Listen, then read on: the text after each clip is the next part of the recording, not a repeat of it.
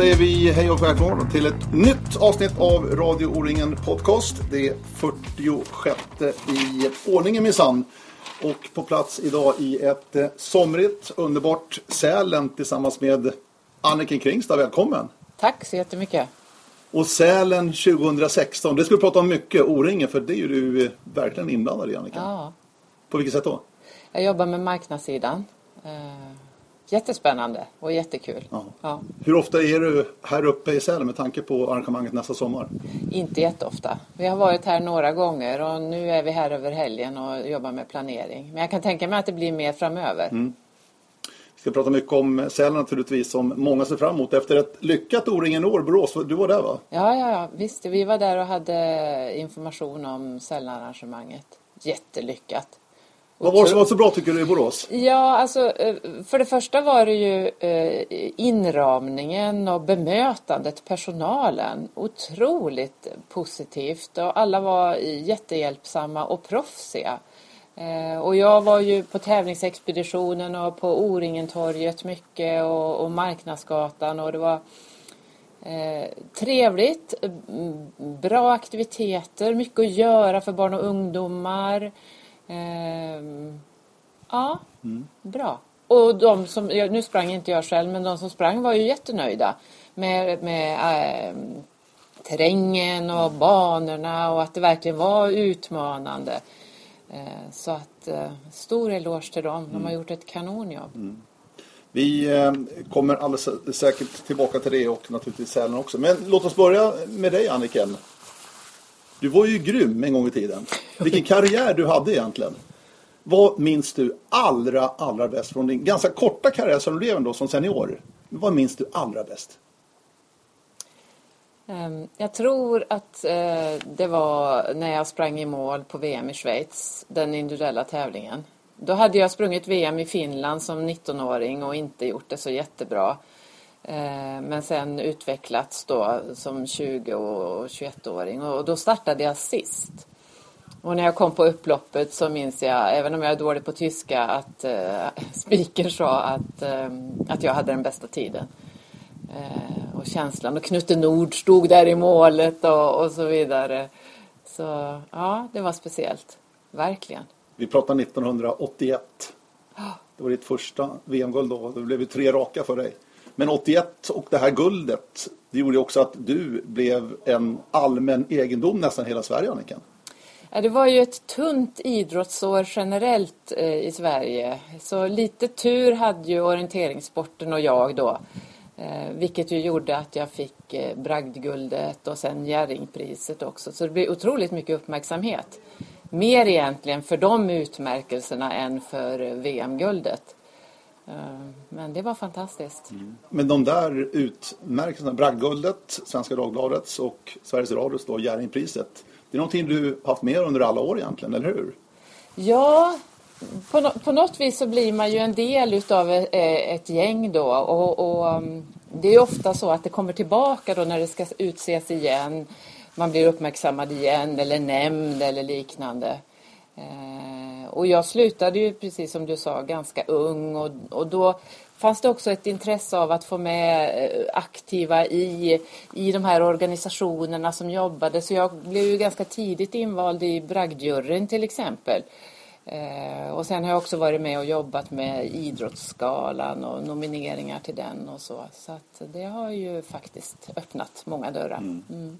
Men vad låg bakom dina fenomenala resultat då, första halvan av 80-talet? Då Du vann ni tre, raka individuella VM-guld, både 81, 83 i Ungern och 85 i Australien. Och även stafetterna alla de här tre åren tillsammans med Sverige då. Vad, som du ser vad var orsaken till att du var så bäst på den tiden? Som du var? Alltså, ja, dels så tror jag att, eller vet jag att jag har en god, hade en god eh, fysik. Alltså en god fysisk grund. Jag är uppvuxen i en familj med många barn och en pappa som jobbade borta. Vi fick ju liksom ta oss själva. Vi cyklade och tränade och sådär. Så att eh, fysiskt stark och goda gener eh, så att kroppen liksom var, har tålt mycket träning. Ehm, och sen en, en otrolig drive. säkert den starkaste. Eh, alltså, jag var beredd att underkasta mig otroligt mycket arbete för att få resultat. Pratar vi vinnarskalle eller? Ja, det kanske man kan kalla det. Eh, ja, det tror jag. Mm. Mm. Sen kan man alltid diskutera vad som ligger bakom det. Den här liksom driven, den här viljan att träna hårt och mycket och så vidare. Men ehm, så den kombinationen. Plus att jag, eh, jag började orientera när jag var 11 år. Idag tycker man ju att det är jättesent. Ehm, och jag var jättebra på att springa och ibland så gick det bra eh, på, och oftast gick det ganska dåligt för jag sprang alldeles för fort och hittade inte kontrollerna. Och det där fortgick ju ända upp till, till ja egentligen genom hela min karriär. Men när jag blev eh, sista års junior och senior och eh, efter idrottsgymnasium i Åmål så lärde jag mig ju ändå orientera bättre. Eh, och sen så tror jag ju att, att eh, jag fick en trygghet i att, att eh, springa bra när det gällde. Eh, framförallt under VM då. Och vad det beror på, det har jag faktiskt inget riktigt svar på. För då på 80-talet när jag var aktiv, då var det ju VM och Nordiska mästerskap vartannat år. Och på de Nordiska mästerskapen sprang jag ju aldrig särskilt bra. Där var det egentligen det motsatta det liksom bara låste sig och det blev fel. Och efter VM i Schweiz när jag hade vunnit så stämplade jag fel i Bo på Bornholm året efter. Och stafetten blev struken och det var verkligen en sån här disaster. Så att det gick upp och ner. Mm. Men alltså när du kom fram då, vi kan säga ändå 81 då, då, då var du första års senior. Mm. Väl, jo, ja. det var det, 1981. Ja. Hittade du liksom ett hålrum där någonstans som den första tjejen då på den tiden som verkligen, som du sa, underkastade verkligen hård träning, fysisk träning och fick upp orienteringen. Alltså, fanns det ett hålrum där tycker du? Eller, eller var den underutvecklad? Så kanske ska säga istället. Damorientering på den tiden. Alltså jag tror, det var ju inte bara jag, utan vi var ju faktiskt ett gäng eh, tjejer eller unga damer som, som ju blev seniorer nästan samtidigt. Eh, några var ett år äldre än mig, Barbro Lönnqvist till exempel. Eh, Karin Gunnarsson var två år äldre än mig. Eh, vi var ju ändå ett gäng som jag tror drev utvecklingen. Eh, lika gamla som, som jag var ju Arja Hannus och eh, Kerstin Månsson. Eh, Marita Skogen var lite yngre. Så att eh, jag tror att, att när vi var juniorer, sistaårsjuniorer, så, så kunde vi gå in och konkurrera på, juniors, på seniorsidan. Eh, idag tror jag att det är svårare och tuffare. Det har hänt, eh, det, det, har skett någon form av utveckling och vi var nog med och drev den också. Eh, började träna kanske mer och, och, och, och, längre och tuffare. Så att, eh, för vi var ett ganska tajt gäng och bland de, de som var lite äldre så var det ju Karin Rabe som liksom hängde med oss och var aktiv under hela min tid och även efter fast hon är lite äldre då. Annars de som, som Karin började tävla med på seniorsidan de försvann ju bort. Så ja, men det tror jag nog att, mm. att det, det, blev en utveckling. Eh, och det fanns ett fönster där eh, som, som man kunde kliva in i. Eh, och det är svårare idag att gå rakt in på seniorsidan och, och liksom få springa VM. Mm. Och det, men det kunde ju vi, ju vi flera utav oss mm. snabbt. Ja. När kände du att du kunde bli världsmästarinna? Var det i samband med att komma in i Åm och de här bitarna? Alltså att man kände att okej, okay, jag, kanske, jag kanske är ganska bra på det här, eller? Eh, nej, det var det inte. Alltså jag, eh, som, som liten så höll jag ju på med orientering mest för att familjen gjorde det. Eh, och när jag blev, eh, skulle börja på gymnasiet så bodde jag i Säffle och, och, var ändå tvungen att gå i Åmål. Och jag tyckte ju, ja men det där med orientering var ju kul och sådär. Så jag söker väl då eh, och kom in. Men det var egentligen först när jag var 19 när jag blev, fick möjlighet att åka med på VM-lägret i Finland som junior och var med och sprang tävlingarna där och tränade med de här seniorerna som jag trodde var helt ouppnåeliga. Och jag förstod att jag kunde slå dem till och med. Då fattade jag att jag eh, hade en möjlighet att kunna bli riktigt bra. Mm. Då gjorde jag det stora misstaget. Jag åkte hem efter det här VM-lägret eh, och så tänkte jag om jag ska kunna springa VM i höst i Finland, då måste jag fortsätta att träna så här mycket som jag har gjort den här veckan. För det gör de där andra duktiga. Och då gjorde jag det och efter tre veckor så var jag skadad. Så det var eh, en ganska tuff erfarenhet. Men du lärde dig någonting av det? Ja, ja, ja visst. Ja. Mm. Du var inne på Säffle där Annika. Jag, måste ändå, jag vet inte om jag minns alldeles galet, men 10 milen 1977 i Tyresta. Det var första gången damerna var med i en egen kavle. Och Säffle OK leder alltså 10 mil eh, damkaven ja. inför sista sträckan. Ja. Och du springer sista va? Ja. Eller sprang sista? Ja. Visst var det så? Ja. Jag slog mig nu när du säger ja, det. det är sant. Berätta, för att du gick ut i ledningen där alltså. Ja, och sprang bort mig. Ja. Ja. Och jag minns inte vad jag gjorde, men jag minns att jag sprang bort mig. Och det var ju liksom en sån här eh, otroligt eh, alltså, eh, överraskning att Säffle var i, i ledningen. Ja, verkligen. ja, ja, ja visst. Eh, och jag var ju egentligen lagets stjärna. Mm, sprang bort mig. Gjorde jag. Jag minns inte var vi kom. Långt ner. Ja, långt ner kom ni. Ja. Ja. du, du var ute länge. Ja. Och året innan tror jag, eller samma år, så sprang jag SM-kaven på juniorsidan eh, för Säffle. Och då var jag också lagets stjärna och gick ut i täten och sprang bort mig. Mm. Kom till radiokontrollen och var först och så tittade killarna upp som satt där och sa Säffle, kan vi få en kopp kaffe? Och sen så sprang jag bara åh. Annars då Så det har gått upp och ner. Ja, verkligen. Jo, men jag kom på det när du sa Säffle där. Då, då ringde en klocka i mitt huvud nämligen 77 då. Ja. Ja, det är länge sedan nu i och för sig. Men du var inte så gammal då heller? Nej, jag var 17. Ja. Ja. Och skulle springa sista. Och, ja, det, det var ju en jätteskräll att Säffle OK ledde efter fyra sträckor. Ja, ja, visst. I Tyresta. Ja. Häftigt. Men det där kontra eh, kavlar individuellt, fungerar du på olika sätt? Då? Hade du olika inställning, taktik liksom när du skulle springa stafetter kontra, och då pratar jag landslagsnivå då i VM-stafetter till exempel? Ehm, Ska man tänka på något speciellt sätt där? Eh, Vad är din erfarenhet? nej, det tror jag egentligen inte eh, att jag gjorde. Eh, utan eh, jag tror ju att en av de stora nycklarna till framgång inom orienteringssporten, därför att det är en sån sammansatt idrott, är eh, tilliten till den egen, egna förmågan. Eh, och när jag var aktiv så pratade man ju om mental träning i form av att vi skulle ligga och lyssna på ljudband med eh, Unestål. Och jag tänkte, men hallå, vad är det här? Eh, men när jag tänker tillbaka på min aktiva tid så bedrev jag, jag ju mitt, min form av mentala träning i mina förberedelser. Att på något vis kvittera att jag har gjort den träning jag hade tänkt mig. Jag har varit på de läger jag skulle. Jag känner att jag behärskar terrängen. Jag klarar läsa kartan. Australien är ju ett sådant exempel där man åker jättelångt bort. Och det blir ju också någon form av um, ehm, att, att, att ha tillit till att jag, jag behärskar situationen. Uh, och det tror jag är det viktigaste egentligen.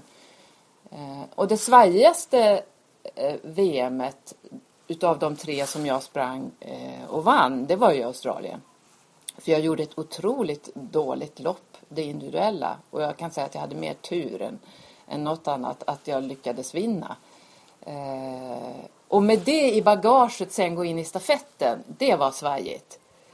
För både i Schweiz och i Ungern så hade jag gjort väldigt bra lopp. Och då kändes det tryggt och jag visst, jag visste ju egentligen att jag var fysisk. Det var ingen som sprang ifrån mig. Eh, Så det är ju en trygghet i sig. Men i Australien så, så svajade det. Eh, Och då var det ju nästan spurtstrid. Men det blev inte riktigt. Nej. Men i och med dina framgångar då där i början på 80-talet Annika så kraven blev väldigt höga på dig. Både utifrån och kanske framför dig själv också. Att du hade stora krav på dig själv. Ja, jag tror att de är de största. Det är alltså så de alltså? egna kraven. Det är så? Ja, på något vis. I, i varje fall de som, som är liksom tuffast att leva upp till. Eh, det är klart att de yttre kraven kan vara med och liksom påverka det. Men för mig i varje fall så var det så att jag var, jag var otroligt tuff mot mig själv. Och... Samtidigt så kan jag tänka att, att det är en, en utav egenskaperna för att bli riktigt framgångsrik. Det, det hänger ju ihop. Om, om, man, om jag inte är beredd att underkasta mig det här arbetet så kommer jag inte att bli så där bra. Eh, så att det, det där är komplext. Och jag brukar tänka tillbaka och fundera över vilka aktiva som var aktiva under min tid hade inte ganska mycket av det som jag hade. Och det är... Jag hittar få som verkligen kunde njuta utav framgången och vila i perioder och sådär. Eh, Jag brukar säga att Kent Olsson är kanske den som jag minns starkast. För han var verkligen sån. Och kunde liksom slappna av och, och sen bara superfokusera och bli jättebra. Och sen bara gå tillbaka. vi andra vi var så här hela tiden. Nästa mål. Men hur var det alltså dagen innan ett VM-lopp? Hade du lätt att somna till exempel? Alltså, hur, hur fungerade du? Låg du mycket och tänkte, liksom, skapade bilder? Alltså, hur, hur fungerade du Anniken? Under din aktiva karriär när du var som allra bäst? Nej, alltså jag, jag under de VM när jag, eh, när jag sprang bra eh, så hade jag så otroligt bra förberedelser fram till mästerskapen. Du var så trygg i dem alltså? Ja. Eh, med, med att kvittera. Då, då hade man ju VM-tester. Det var ju väldigt annorlunda mot vad det är nu. VM-tester man tog ut och... Alltså, så, så jag gick in i mästerskapen med ganska stor trygghet. Ehm, så jag har inget minne av att jag låg och vred mig i sängen på natten och sådär. Men, men en ganska stor nervositet, ja.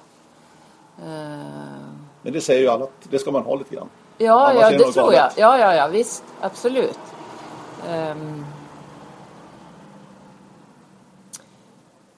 det jag minns när jag inte sov, det var faktiskt efter eh, det individuella loppet i Australien. Mhm. Därför att det hade gått så dåligt och, och, och jag... Jag tror att jag kom i kontakt med rädslan av att jag skulle kunna misslyckas.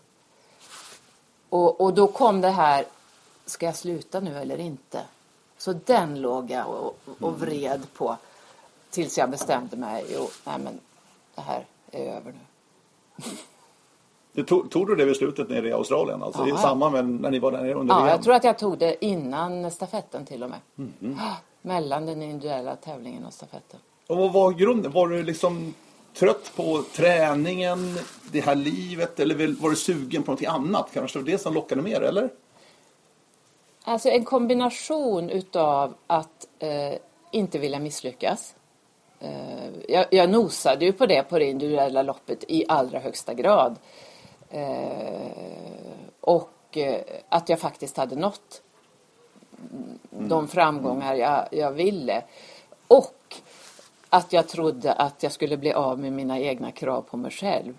För jag trodde de hängde ihop med idrotten. Mm. Det, tog det var några, det tog några år till innan jag fattade. Det var inte så. Det var inte så. Nej, De tog du med dig. de tog jag med mig. De var Fort, har du fortfarande med dig dem? inte lika mycket. Nej. Men, men jag har ju, det är ju ganska länge sedan. Det är ju 30 år sedan. Mm. Så det har ju tagit några år att har både bråttom. förstå det Ja. och liksom eh, på något vis acceptera det och lära sig att leva med det. Mm. Ja. Tror du att du har haft större krav på dig själv än många andra människor?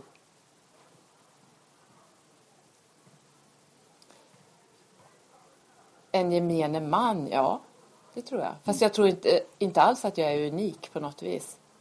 Alltså, om man pratar om prestationsmänniskor så, så, så har ju alla krav på sig själv. Det är bara olika grad.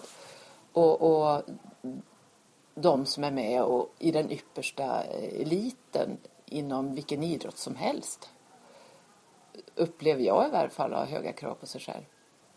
Ja, det Tycker inte måste. du det? Det tror jag att måste. Ja. ja det är klart det. Ja. Det är klart det. Ja. Ja. Men du har liksom försökt att bearbeta det här på ett sätt också under ganska lång tid av ditt liv. Ja, därför att jag upplevde att det blev en belastning för mig i livet. Att, alltså, eh, Alltså även civilt då i jobbet? ja, ja. För, för jag tog ju bara de här kraven som jag... Mina krav som, som eh, gav mig framgång på idrottsarenan. De kraven lyfte jag ju bara in på en annan arena i mina studier och sen på jobbet. Och, och ville åstadkomma resultat eller bli världsmästare där också. Och, och liksom lagom var inte gott nog. Ehm, och, och när det blir det som styr livet, då upplevde jag att jag hade problem. Eh, och ytterst så blev det så tydligt när jag blev mamma. Och, och, och ja, höll på att jobba mig bort ifrån mina barn. Det var liksom det som fick mig att, att förstå, eller vilja. Att, att viljan blev större än rädslan att mm, nej men jag, jag borde kanske göra någonting åt det här. Och då gäller det att våga söka hjälp också. Ja, Hitta någon som, jag vet inte vad det handlar om, samtalsterapi eller vad som helst. Alltså någon att prata med eller vad, vad vad handlar det om? Jag började i samtalsterapi och sen har jag gjort ganska många utvecklingsprocesser därför att jag tycker att det har varit spännande och det har skapat en nyfikenhet på mig själv också och faktiskt på andra människor också. Så jag är otroligt tacksam för det. Och jag kan ju tänka tillbaka på, på idrotten men även på min civila karriär. Om man är extremt resultatorienterad eller jag kan säga så här, jag var extremt resultatorienterad, inte så intresserad utav möten med människor eller nyfikenhet, utan här ska vi åstadkomma resultat. Och det blir överordnat allt annat. Och det blir ett ganska fattigt liv efter ett tag. Du, eh, efter karriären då, när du började din civila karriär, har du drabbat också jobb? Du, du har tvingats sluta, eller du har slutat för att liksom, just med, med tanke på de här prestationskraven du haft på dig själv under många, många år. Jag tror inte att jag har slutat jobb eh, på grund utav det. Eh, men däremot har jag ju jobbat väldigt hårt under ganska många år. Ja, och gjort, eh, gjort en civil karriär. Den klev jag av 2010 när jag bestämde mig för att sluta pendla till Stockholm. Jag bor ju i Falun. Eh, och numera så är, är jag deltidsarbetande och, och, och är hemma mer och sådär. Så att, ehm, men, eh, men jag har inte slutat jobb mm, på grund av det. Eh, det känns som att du är en prototyp av en individuell idrottare. Hade du passat i en lagidrott tror du? Ehm, troligtvis inte. Nej. Nej, nej. Jag har svårt att se det också. Ja. Jag vet inte varför, Och det men det var var en- någonting sådär. Så Nej men absolut och det var en av de stora utmaningarna när jag gick ifrån idrotten till, till eh, yrkeslivet. Därför att jag ville ju vara världsmästare på jobbet också. Det var bara det att jag inte fattade att jag var en del utav ett lag. Så det tog mig eh, ganska många år. Jag minns ekonomichefen på, på Milko när jag sprang ut och in och, och liksom skulle göra saker fort och, och bra. Tog mig åt sidan och så sa han så här, du Anniken, det är bra att gå och fika med de andra ibland. Det är faktiskt bra för dig att göra det. Va? Så jag. Sånt har inte jag tid med. Jag måste ju liksom jobba. Ja, men alltså de andra undrar vad du håller på med lite här. Det spelar ingen roll hur fort du springer om alla andra är någon annanstans. Och det var otroligt bra för mig. Och han kunde göra det på ett sätt som jag in, jag kände mig liksom inte kritiserad utan jag, det var så här "Åh, Jaha, okej. Vi ska göra det tillsammans. Hur gör man då? ja, det är intressant. Ja, Och ändå har du jobbat i civila väldigt mycket med kommunikation Annika. ja. Det har ju liksom ja. varit ditt grundfundament ändå någonstans. Ja, precis. Visst. Men brukar man inte hålla på med det som en utmaning i livet? Jo, jo, men det kanske har varit en styrka också med din bakgrund lite grann alltså. Att Ja. just jobba med kommunikationsgrejer. Ja, Ja, jag tycker det är väldigt spännande. ja. Så att du var ju 20, vad blir det, 24, 25 år bara. 25 var jag när jag slutade Ja. med elitidrott. Ja. Och i Australien tog du beslutet alltså. Ja. Bendigo. Du vet, Precis. jag kollade här om veckan, jag var i Skottland och jobbade som speaker där. ja, just det. Jag skrev upp alla, alla, jag måste bara dra det här för dig, jag tror att jag har dem på papper här någonstans. Här har vi alla eh, sluttider, alltså löptid, vinnartiderna ska jag säga. Ja, ja, okej. Dam-VM. Anniken Kingsen 1985. 54 minuter. Mm. De måste ju ändå ha underskattat er damer rejält på den tiden. Det är min känsla när jag ser det här. Dessutom så tror jag att jag la bort uppåt en åtta minuter på det loppet. Och ändå vinner du guldet. Ja, det var extremt lättlöpt och det var ju en, en, utav, en stor fördel för mig då. För jag var ju jag var nog fysiskt bättre än alla andra. Det var väldigt hårt underlag och, och, och torrt och, och, och snabbt som satan. Eh, och jag bommade rejält första hälften av banan. Mm. Men 54 minuter. Mm. Jämfört med eh, i fjol då var de på nästan 80 minuter. Ja. Ja, vi kom in på lite grann eh, kvinnor kontra män då också i det här läget. Ja, vad, vad är din erfarenhet så att säga, om hur jämlik är orienteringen då om jag frågar så? På den tiden, om vi börjar där på 80-talet. Nej, men jag tror att det hänger ihop med det som du pratade om innan. Att, att, att vårat gäng då, min generation, vi var uh, födda runt 1960. Vi utvecklade sporten mm. så att vi tog kliv framåt när det gäller till exempel kilometertider. Mm. Uh, och arrangörerna var inte riktigt med. Nej. Nej. Nej, så, var det. Så, så det tror jag var, är en av orsakerna. Um, sen vet jag inte om jag har upplevt um, att vi var diskriminerade rent resursmässigt eller så. Uh, när vi höll på. Det blev ju också ganska mycket mer fokus på, på oss eftersom det blev så mycket fokus på orienteringssporten och mig. Och jag tror också det hängde ihop med att, att idrotts-Sverige längtade efter kvinnor som var framgångsrika. Mm. Individuella kvinnor som är framgångsrika inom, på internationell sida. Då får man ju ofta ganska mycket uppmärksamhet. Mm. Så är det. Mm. Um, sen kan man väl säga generellt att det fortfarande finns stora skillnader mellan manligt och kvinnligt inom mm. idrotten och mm. generellt också. Men orientering känner du är ändå rätt jämlik? Ja, det tycker jag nog ja, Det tycker jag att den är. Ja. Det tycker jag verkligen. Ja. Om man jämför med, ja, många, man jämför med många andra idrotter. Ja. Helt, helt enig. Du, efter 85 där, klippte du med orientering då? Alltså vad hände? La du av helt? Inte, inte titta på en karta? Vill inte ut i en skog? Eller hur, hur, hur, hur, var det? Nej, men det gjorde jag ju faktiskt inte. Jag sprang ju, min sista elitklasstävling, det var O-ringen i Borås. Med och, tanke på O-ringen. 1986. Eh, och det lyckades jag också vinna. Eh, så det var sista gången jag sprang elitklass. Så jag fortsatte ju att träna och jag fortsatte att springa orientering eh, ganska länge. Egentligen fram tills eh, jag fick min, mitt andra barn, 92. Eh, för då fick jag såna här foglossningar och problem att springa i skogen och så vidare. Och sen så eh, hade jag det lite stökigt privat med separation mm. och, och, och, och, då kom jag bort ifrån orienteringssporten mer. Eh, ja, mm. betraktade den mer på, på avstånd. Mm. Men ja, fram till 92. Mm. Och under de här åren så har ju vi också inom orienteringsrörelsen också stött på det då och då lite olika sammanhang. Både jobbat på Svenska orienteringsförbundet ja. under en period. Ja. Med Naturpasset bland annat. Ja. Var det väl? Ja. ja. Eh, Milko var också inne som sponsor i O-ringen faktiskt då när Precis. du jobbade där. Ja. Det var också en del. Så att, säga. så att du har haft lite sådär beröringspunkter då med, med sporten under, under ganska många år ändå. Absolut. Ja. På något vis så har jag återvänt till sporten mm. eh, igen och igen och igen. Eh, så det har väl varit något eh, oavklarat. och nu är du dessutom ordförande i OKKRE. Ja, precis.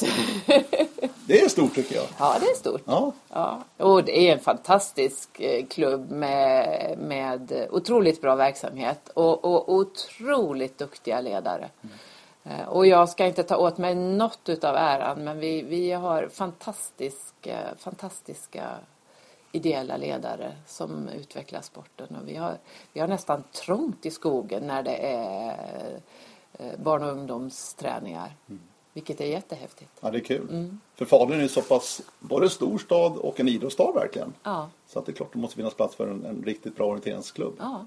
Vi är över 400 medlemmar så är vi en stor, så vi är en stor klubb. Mm. Och klubbstugan är väldigt fint där uppe på berget mm. också. Eller hur? I hoppbackarna. Den ligger jättefint där. Ja, ja, ja. Fantastiskt. Ja. Det enda som är det är lite tufft att ta sig dit. Ja. ja. Mm. Speciellt om man bara har cykel. Precis. Ja. Men varför tog du på ett sådant uppdrag? Ett ideellt uppdrag som ordförande i OKKR? Ja, Vad var det som lockade? Eh, dels att, att det är en, en otroligt eh, bra klubb med bra verksamhet. Jag visste att det fanns bra ledare eh, och att, att ändå ordförandeskapet är eh, det lilla om man tänker på verksamheten. För verksamheten sker, sker ute i kommittéerna och jag ändå tycker att jag har en del kunskap och erfarenhet som jag Så vi har utvecklat vissa områden och, och, och, och också mm, lite det här vi pratade om tidigare med, med eh, att få mer kvinnor in i eh, styrelsearbetet. Så idag är vi 50-50 vilket ju var nytt då när jag kom med. Så jag lockade med mig några till. Eh, och det har varit positivt. Mm. Eh, alldeles strax ska vi prata säl naturligtvis. Vi sitter en fantastiskt fin dag här uppe vid Lindvallen. Där två etapper ska avgöras nästa som förresten. Dina barn var du inne på. Orientering? Intresserade, springer, rör sig Ja, i skogen? alltså, jag har ju tre döttrar. Eh, Min äldsta hon är 26 i höst och hon springer en del orientering. Eh, Challenge är hennes bana. Ja. ja. Eh, och, så hon springer O-ringen. Absolut. Ja, kul. Ja, nu till nästa år så får hon vara med och arrangera då. Eh, det är hon lite besviken över, men så är det. eh, och hon har sprungit ganska många O-ringen. Min yngsta, som är 15, hon är fotbollsspelare. Men springer O-ringen. ja men bra. Öppen bana. Eh, I år sprang hon öppen 3. Eh, och vi har gjort O-ringen till en familjeaktivitet under de senaste åren och samlas och är ett gäng som, som umgås och jag har i och för sig jobbat då men eh, gjort det socialt. Eh, och sen min mellandotter, hon springer inte jättemycket men hon var faktiskt i Borås eh, och sprang en etapp tillsammans med sin pappa. Eh, så Härligt. att, eh, ja lite både och är Ja, det. ja. Skönt. Ja men det är bra. Orientering är bra på alla sätt. Ja, det är det faktiskt. Det är en fantastisk motionsform. Ja. Att inte fler upptäcker det. Ja, just det här att, att, att det finns en möjlighet även om man inte är tävlingsorienterare. Eh, Men det är en tröskel in, det är ju det. Eh, Och där har vi ett jobb att göra. Mm, verkligen. Innan O-ringen snack bara. eh, Vad säger du om utvecklingen av idrotten, orientering från din tid och början på 80-talet fram till nu, 2015? Vad, säger, vad, vad har hänt? Liksom, vad, vad, vad säger du om vad som har hänt med idrotten, Anniken? Från ditt perspektiv. Alltså det har ju hänt jättemycket. När jag sprang eh, i landslaget då hade vi ett individuellt lopp och en stafett. That's it. Eh, och idag... Eh, jag- Varannat år dessutom. Vartannat år på, på VM, ja precis. Ja. Eh, och, och numera är det tre olika distanser eh, och två stafetter. Eh, Så det har ju varit en otrolig utveckling. Eh, vilket jag tror är positivt för sporten. Det breddar och det öppnar upp. Och jag tror också att det är positivt det beslutet man tog på VM nu med att dela eh, sprinten och skogs... Eh, det kan öppna upp för fler nationer och så vidare. Eh, Så det har ju varit en otrolig utveckling. Eh, Och sen den andra utvecklingen som, som jag ser och, och som vi också jobbade med när jag jobbade på Orienteringsförbundet det är ju fönstret att förmedla sporten ut till en bredare publik. Eh, där tekniken ju har gett helt nya möjligheter. Eh, och där jag tror att det finns det finns, det finns mycket kvar att göra. Eh, men, men om, om vi inom orienteringssporten är intresserade av att driva det och vidare så finns det faktiskt en möjlighet att göra det riktigt, riktigt bra. Och jag är ingen orienteringsnörd. Det är jag verkligen inte. Men jag satt faktiskt och tittade på 10 mila eh, och köpte den sändningen i våras och jag tittade på, på VM, eh, alla distanserna hemma trots att det gick på dagen. Eh, ehm, Då är du lite nörd ändå. Ja, då är jag lite nördig. Eh, och tycker att det är, är, är ja, det fanns en del övrigt att önska med årets produktion. Men det är ändå spännande och kul att hänga med. Det är det. Så att, eh, det är väl kanske de stora utvecklingsdelarna. Sen tycker jag ju att det är lite tråkigt att det inte är fler nationer som faktiskt är med och springer om medaljerna. Där, alltså det är ju fler nationer med, men om man tittar på de som konkurrerar om medaljerna så har det ju inte hänt jättemycket sedan min tid. Faktiskt inte. Nej. Så där finns det en Ja, del så att det. göra. Ja, det, ja. det håller jag med om. Ja. Men IOF ska väl satsa eh, utvecklingsresurser på det nu, om jag har förstått det hela rätt. Och det är nog bra. Och det kan också vara den här splitten av VM också. Kan också vara en öppning för Ja. kanske lite mindre nationer. Och framförallt då sprintsidan. Ja, precis. För att den kanske är, allting är relativt men lite lättare då än en långdistans till exempel. Där det krävs ganska mycket för att lyckas. Både som dam och herre. Hur mycket har Simone Nigli betytt för orienteringen i stort? Hon var det stora namnet efter dig egentligen. Jag tror framförallt att hon har betytt otroligt mycket nere i Europa och i Schweiz. Men hon har betytt mycket här hemma också. Mm. För, för egentligen är det väl så med de här eh, eh, fantastiska stjärnorna. Jag tänker på Thierry och på henne. De är ju kanske större här i Norden än vad de är i sitt hemland. Framförallt Thierry, det vet jag ju sen, sen VM i Frankrike när det knappt var någon fransk media på plats. Simone är ju jättestor i Schweiz. Men, men visst har de betytt mycket. Och som förebilder tror jag för, för, för andra. Eh, och där tänker jag ju också att vi har unika saker inom orienteringen som få andra idrotter har. Det är nämligen närheten till eh, de, de allra bästa eh, ute i orienteringsvärlden. Eh, både fysiskt på tävlingar där vi ofta eh, är på samma arena. Från det vi, eh, O-ringen till exempel då, från det att vi är jättesmå tills att vi är knappt kan gå längre med den yppersta världseliten. Eh, och, och, och jag tror också att orienteringen, därför att det är som det är, eh, skolar någon form av ödmjukhet eget ansvar. Du delar med dig av dina erfarenheter. Som är annorlunda mot andra idrotter, mm. faktiskt. Men det främjar väl en själv som människa nästan va? Ja, det tycker jag. Ja. ja. Och det är kvaliteter som är, liksom är ovärderliga. Ja. Så det vet jag att när jag har fått frågan eh, om, om jag hade valt en annan sport för att få mer pengar så tycker jag ju att det jag har fått med mig från orienteringssporten har varit otroligt mycket mer värdefullt egentligen. Mm. Både vad det gäller det civila efteråt också. Eh, och, och, just den här liksom, eh, ja, att, att det är en ödmjukhet inför det man håller på med. Mm. Tänk på det du sa Simone som förebild. Det var ju du också på din tid Annika verkligen. Framförallt efter 81 då när du fick alla utmärkelser man kan få i det här landet plus VM-gulden då i Schweiz på individuell eh, stafett. Påverkar det dig någonting så att säga att du fick passar på ett annat sätt, så att säga. Att eh, bete dig på ett annat sätt. Så att, eller fortsätter du vara den, den vanliga Anniken liksom? Är det någonting du tänkte på eller fick du förmaningar, råd liksom att Nej, nu ska du göra si och så och så, och så liksom? I och med att du var mer påpassad definitivt. Nej, alltså jag tror egentligen inte att jag fick så himla mycket förmaningar och råd. Men, men eh, eh, jag tror, eller tror, jag vet att jag som person i och med att jag var så pre prestationsinriktad så var jag inte så tillgänglig. Det, det, det, finns journalister som har sagt till mig efteråt det var hopplöst att prata med dig när du hade sprungit dåligt. Du var så arg och sur och vi var nästan rädda för dig. Och då kände jag så här, Åh! ja men det är nog sant. Det blev så himla allvarligt att det skulle, eh, uh, var, att det skulle gå bra och att jag skulle åstadkomma resultat. Så min öppenhet och min ja, lite tillgänglighet eh, var nog varierande. Mm. Mm, verkligen. Men var du en dålig förlorare? Ja, det tror jag. Mm. Det ligger i sakens natur någonstans? Ja, ja, eller tror jag. Det vet jag. Ja. Inte, inte arg på de andra, men arg på mig själv. Ja, för att jag inte hade, hade lyckats åstadkomma bättre. Mm. Vad säger du? Och, eh, du har säkert pratat med Tove också, men Tove har ju målats upp lite grann som den nya Annikan lite grann med hennes tidiga eh, succé då som både junior och tidig senior. Eh, ser du några likheter i Tove om du tittar på dig själv, Annikan? Det finns nog likheter och det finns ganska mycket olikheter.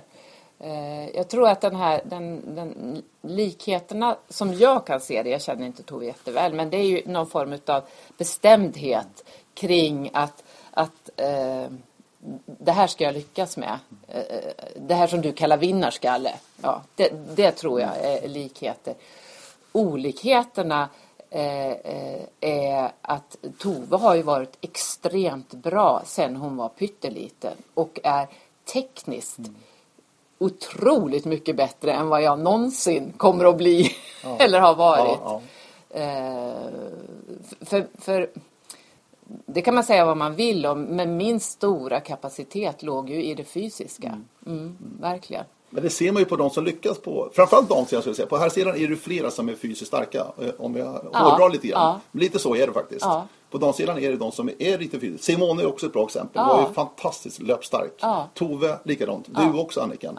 Så att det ligger ju där någonstans att ska du lyckas som kvinna Ja. så måste du ha fysiken. Du måste vara en riktigt stark löpare. Ja, och jag tror, och det var ju på VM i år också. Ja, exakt. Med danskarna. Exakt. Ja. Eh, eh, och, och jag tror kanske att alltså, de- den toppen är smalare på damsidan än vad den är på herrsidan. Så om du, om du eh, kan träna på ett klokt sätt så att du kan underkasta dig mycket träning på damsidan så har du en större möjlighet att bli riktigt bra. Det tror jag att jag kan säga utan att sticka ut hakan och säga något dumt. Ehm, Men lite ska du ha i generna också, eller ganska mycket va? Ja, ja, precis. Det är klart att du har fysiska förutsättningar med dig. Och det eh, är jag helt övertygad om att jag har. Alltså jag... Det finns ju en massa andra saker som påverkar också hur mycket man kan träna. Till exempel om man är sjuk mycket eller inte. Jag var ju aldrig sjuk. Och jag är aldrig sjuk. Inte nu heller. Eh, och jag hade ju några skador. Eh, därför att jag tränade för mycket. Eh, stressfraktur och liknande. Och det är jag ganska säker på att jag hade som 19-åring också. Fast det var inte uppfunnet då. Nej. Eh, då sa de att det var slemsäcksinflammation. Men det var säkert en stressfraktur. Men, men det lärde jag mig utav och då kunde jag liksom hantera det. Eh, Så att, ehm, ja. Hade du någon, någon tränare, bollplank, alltså just som du säger, det, ibland tränar för mycket, men då kanske någon som kunde säga stopp, stopp, stopp, stopp, stopp nu ska du vila. Hade du någon sån?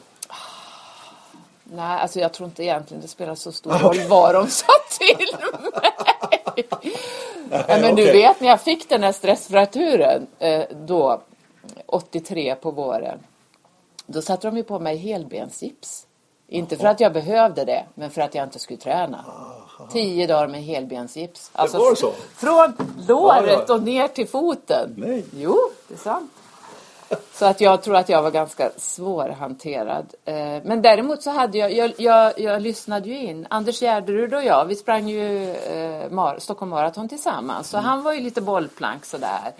Eh, och, och, och även när vi var i Åmål eh, så kom det ju föreläsare dit. Så att försöka plocka lite här och plocka lite där och sen hitta min egen modell. Eh, så jag tror att en av mina, förutom fysiskt stark, så var en av mina också eh, talanger att lära av egna erfarenheter. Eh, och eh, ändra. Och ta med mig det som hade gått bra och plocka in nytt. Eh, och även om jag var jävligt arg när det gick dåligt, ursäkta att jag svor, så hade jag en förmåga att, att släppa det ganska snabbt. Hur, hur strukturerad var du? Hade du en träningsplan? Du hade du? Ja. Som du sen följde. Förde du träningsdagbok? Ja. Har du kvar den? Eh, ja, alltså jag har kvar... Jag har ju inte sparat mycket. Du kan, om du kommer hem till mig så kan du inte se att, att, att jag har, har liksom varit framgångsrik i orientering. Det enda som finns framme är Jerringpriset. Ja, men, men i en back ute i förrådet så finns de här eh, lakanen skulle jag vilja kalla dem med såna här träningsstaplar där jag fyllde i olika färger beroende på vad det var för träning. De har jag kvar. Har kvar. Och sen har jag kvar VM-kartorna. That's it. Jaha. Men du, är det någon efter din karriär som har hört av sig till dig för att kolla lite grann, stämma av en aktiv alltså?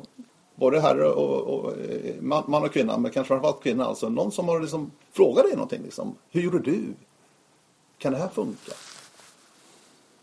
Nej. Ingen. Nej, jag har ju föreläst för Ja, det, landslaget Ja. Mm. eh, för några år sedan.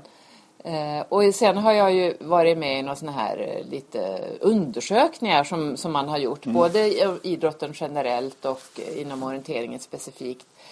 Men det är ingen eh, aktiv som har ringt och frågat mig hur jag gjorde eller sådär. Nej. Nej. Nej. Det kanske säger en del om orienteringssporten. Jag den här det. individuella jag sporten. Tror det. Ja, Ja. ja. Vi ska klara mig själv liksom. Ja, lite, så. Lite så. Ja. Lite så. På Det- gott och ont egentligen. Ja, Ja, men det har du rätt i. Verkligen. Bara innan vi kom in på cellen. eh, Ångrade du någon gång att du slutade så tidigt? Med din aktiva elitkarriär? Nej. Det har jag aldrig gjort. Nej. Nej. Ehm, och det fanns ju en tid när jag på något vis eh, skyllde kraven på mig själv på idrotten. Nästan en ilska gentemot idrotten. Idag känner jag en stor ödmjukhet att jag liksom fick den utdelningen som jag fick under den korta perioden. När jag tänker på hur mycket tid och resurser som massor utav elitlöpare lägger ner som aldrig får den utdelningen. Så ödmjuk och tacksam. Och, och hur det än är så finns det ju någonting eh, gott i att veta att jag spände bågen jäkligt hårt och jag fick eh, utdelning. Det gör det. Ja, verkligen. Ja. verkligen. Ja, Jag tycker fortfarande det är häftigt det där bragdguldet. Och Jerringpriset kanske framför allt att du fick det 81 måste jag säga. Det är oerhört imponerande med tanke på att alltså Stenmark och Borg var fortfarande aktiva i högsta grad på den här tiden. Ja. Det ska vi inte glömma bort. Nej. Nej, jag tycker det är så mäktigt. Jag tycker det är så mäktigt Annika. Det är fantastiskt måste jag säga. Eh, jo, Sälen nu. Sitter här uppe i Lindvallen. En fantastiskt fin sommardag. Det är ju knappt år kvar nu bara Anniken. Vad är din roll i arrangemanget här nästa år? Ja, jag jobbar med marknadssidan då. Information och kommunikation och så vidare. Eh, försöka se till att eh, nu inför då att de som vill komma hit och som är intresserade ska få bra information.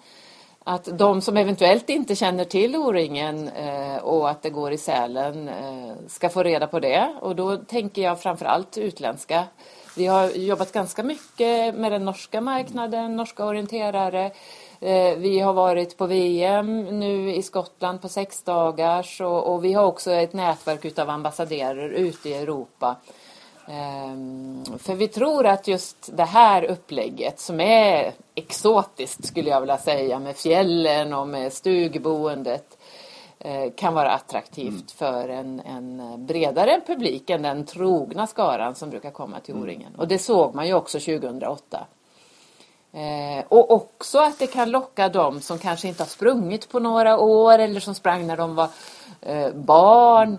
Eh, att, att locka in helt nya som, som aldrig har hållit på med orientering eller har någon kontakt med orienteringssporten. Det tror jag är en större utmaning. Men att locka tillbaka någon eh, som, som har varit med lite och så vidare. Det, det tror jag absolut att vi kan. Och det intressanta är då, vad är det som lockar? Är det att springa på kalfjäll? Är det att bo kanske i en stuga? Det är väldigt skönt så att säga, slippa tält och husvagnslivet. Om man nu tycker att det är slippa. Jag tycker att det är slippa. Men många gillar husvagnslivet, det vet jag. Men vad, vad är det framförallt tror du som lockar med Sälen? För att locka tillbaka eller locka nya? Är det, tror- både, är det en kombination? Jag tror att det är en kombination, absolut. Men, men jag tror i grunden som orienterare eh, så är det ju eh, alltså tävlingen som är det viktiga. Eh, att, att det är ett, ett, ett, ett spännande område.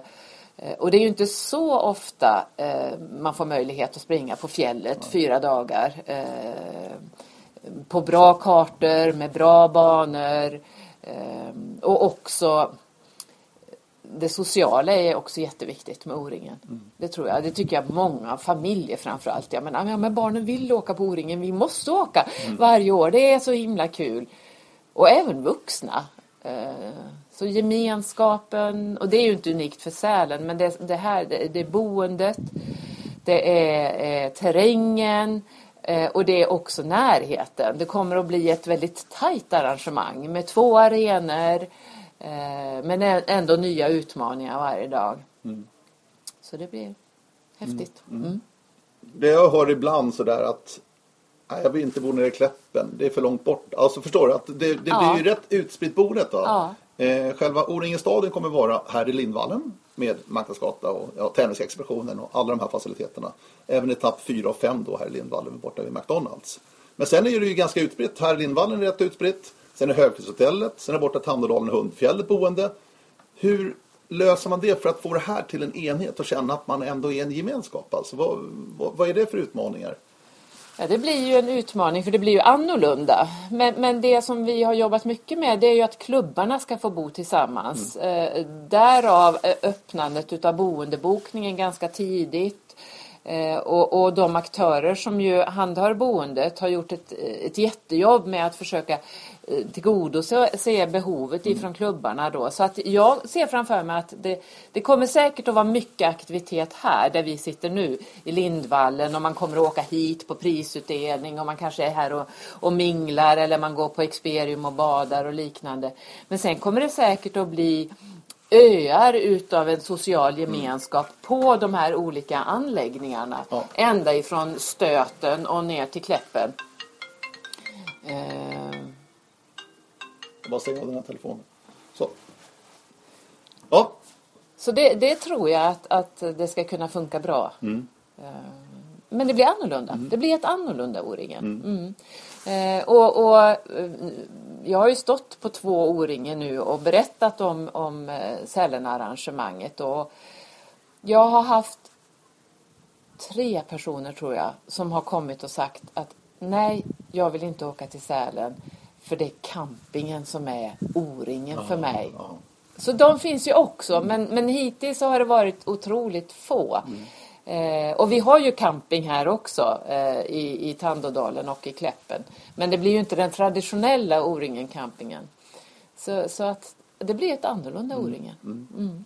En sak också som blir ganska stor skillnad tror jag nästa år. Eh, det är att bussarna kommer bli en aorta, kroppspulsåder verkligen här. För att bilarna ska stå på dagarna. Ja. Får inte röra bilarna. Bussning är ju obligatorisk. Ja, bussningen är obligatorisk. Det känns som en utmaning. Det med mycket folk. Det kommer att bli en utmaning, absolut. Eh, och, och, och, vi tar stor höjd för att klara det kapacitetsmässigt.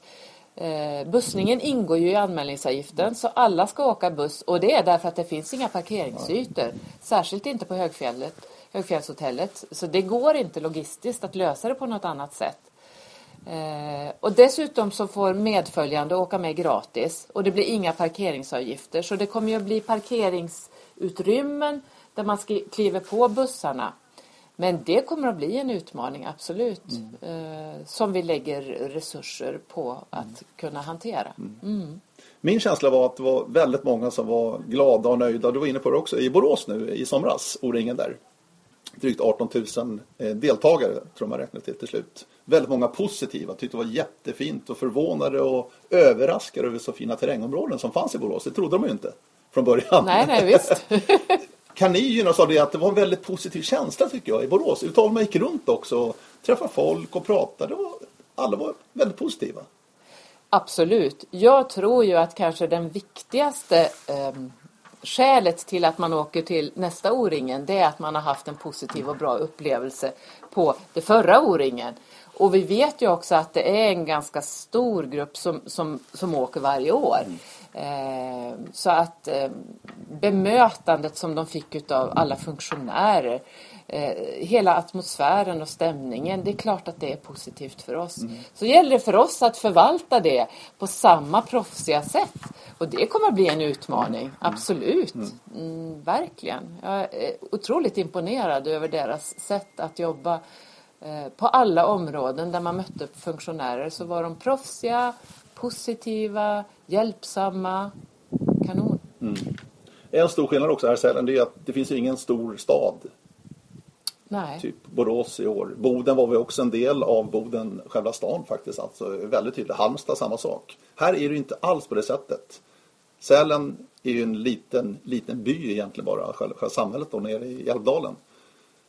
Ja, vi kommer ju att mångdubbla antalet ja, verkligen. som är här. Jo, precis. Så att det kanske också gör att det kanske blir ännu mer socialt så att säga. Man, man kan inte åka så mycket iväg egentligen och göra så mycket. Man, man är nöjd med att man får kvalfel och springorientering. Eller? Vad tror du? Ja, det tror jag. Jag tror att, att det blir ju att, att man kommer att vara här. Sen finns det ju en aktivitetsdag där man kan prova på andra saker eller vilja åka iväg och turista och liknande. Men annars så tror jag precis som du att under själva tävlingsdagarna så kommer man att vara mer på plats här. Mm. Eh, så det, men det tror jag blir positivt. Mm. 25 000 var det nästan 2008. Ja. Hur många blir det nästa år Annika? Vad, vad säger ni i ledningen? Ja, vi har ju tagit höjd för att vi ska slå rekord. Ja. Så får vi se om vi lyckas. Ja. Eh, intresset är jättestort. Jag, eh, Du var inne på boendet där. Alltså det var många som var ute där och bokade bäddar och stugor. Och... Ja, vi har redan nu, eh, jag, jag kan inte säga exakt eftersom vi inte har koll på allt bo, boende. Dels så, så är det ju de stora aktörerna som, som har hand om boendet och sen så finns det ju en massa privata bostäder eller stugor eh, som, som jag vet eh, hyr, hyrs ut i olika kanaler. Men om jag skulle göra någon uppskattning så skulle jag bedöma att det säkert är 15 000 bäddar bokade redan. Det är så pass? Ja, det tror jag. Mm. Ja. Och, och jag vet att de stora aktörerna har inte mycket boende kvar. Det finns i Stöten och det finns i Kläppen. Eh, och vi kommer att jobba mycket med att få privatpersoner eh, att eh, hyra ut eh, sina stugor Mm. framöver. Men än så länge har vi inte haft eh, mycket många som, som har hört av sig, klubbar eller i- eh, individer som inte har hittat boende. Det har vi inte. Förvånansvärt lite Ja, tycker jag. ja. Frågor. Det har varit en handfull. Eh, och det är jättebra. För, för eh, det var stort tryck då när vi öppnade i april så jag tänkte oj oj oj. Det kommer bli en utmaning. Men det har, det har faktiskt gått bra. Den stora aktören här är ju Skistar. Mm. Som ju är Sveriges största fjällentreprenörbolag. Mm. Eh, koncern, rättare sagt. Hur fungerar det samarbetet, O-ringen kontra Skistar? Ja, vi har ju samarbete inte minst kring, kring infrastruktur och liknande och det är ju ett av de andra unika mm, sakerna kanske med arrangemanget här att vi kommer ju att nyttja väldigt mycket av de lokaler som finns. Vilket ju skapar effektivitet i arrangemanget. Vi behöver inte sätta upp lika mycket tält som man har normalt. Eh, och, och, och, och nu under helgen så kommer vi att träffa Skistar och gå igenom planeringen eh, för att titta på, på vad vi behöver komplettera. Vi har ju vatten och fiber och så vidare. Så det finns ju väldigt mycket som, som Skistar har som vi kan nyttja i arrangemanget som gör det enklare. I och med att det var så pass nyligen då, 2008, som arrangemanget var här uppe i Sälen. Går det inte bara att lägga kalkerpapper? Behöver inte, inte göra så mycket? Eller? Alltså jag, jag var ju inte med 2008. Nej, Nej, Eh, men men eh, eh, det är ju så att vi har ju en otrolig fördel utav det. I form av upparbetade eh, relationer med myndigheter och andra eh, samarbetspartners. Jimmy som generalsekreterare som, som ju var med då. Så det är klart att vi har en stor nytta utav att det var ganska nyligen. Men sen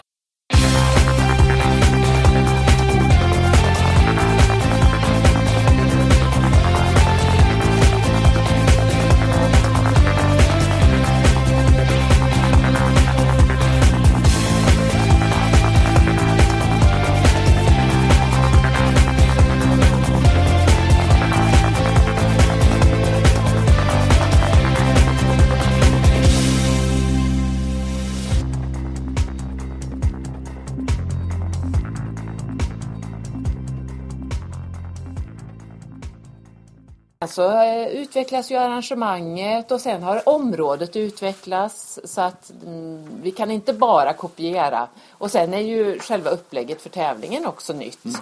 Eh, och det mm, har jag ju förstått att en utav synpunkterna då 2008 var att man inte fick springa så mycket på fjället. Och det tror jag inte att man ska tycka efter eh, 2016. Nej. Det är egentligen fyra kvalfjällsetapper. Ja. Kan man säga. Ja, Det är bara sista etappen då som är samma område faktiskt som 2008. som kommer att bli en tuff utmaning. Ja. Mm. Och en ut- utmaning för dig också då. Hur, hur mycket jobbar du heltid, fulltid med det här liksom, med O-ringen eller? Nej, jag jobbar 16 timmar i veckan. Mm. Eh, Så att det är en del utav min, min arbetstid. Precis. Resten är du mamma, man och ordförande OKK. Fru menar jag. ja, ja. Ja, eller hur? Ja, ja, eller hur? Annika Kringstad, det var jättetrevligt hörru du. tack. Väldigt trevligt. Eh, Radio O-ringen podcast nummer 46 var det här hörni. Eh, hör gärna av er på radio o-ringen.se med synpunkter, idéer, drömgäster och annat. Det är bara att skicka ett mejl. Eh, en gång, tack Annika. Tack själv. Hej då! Hej.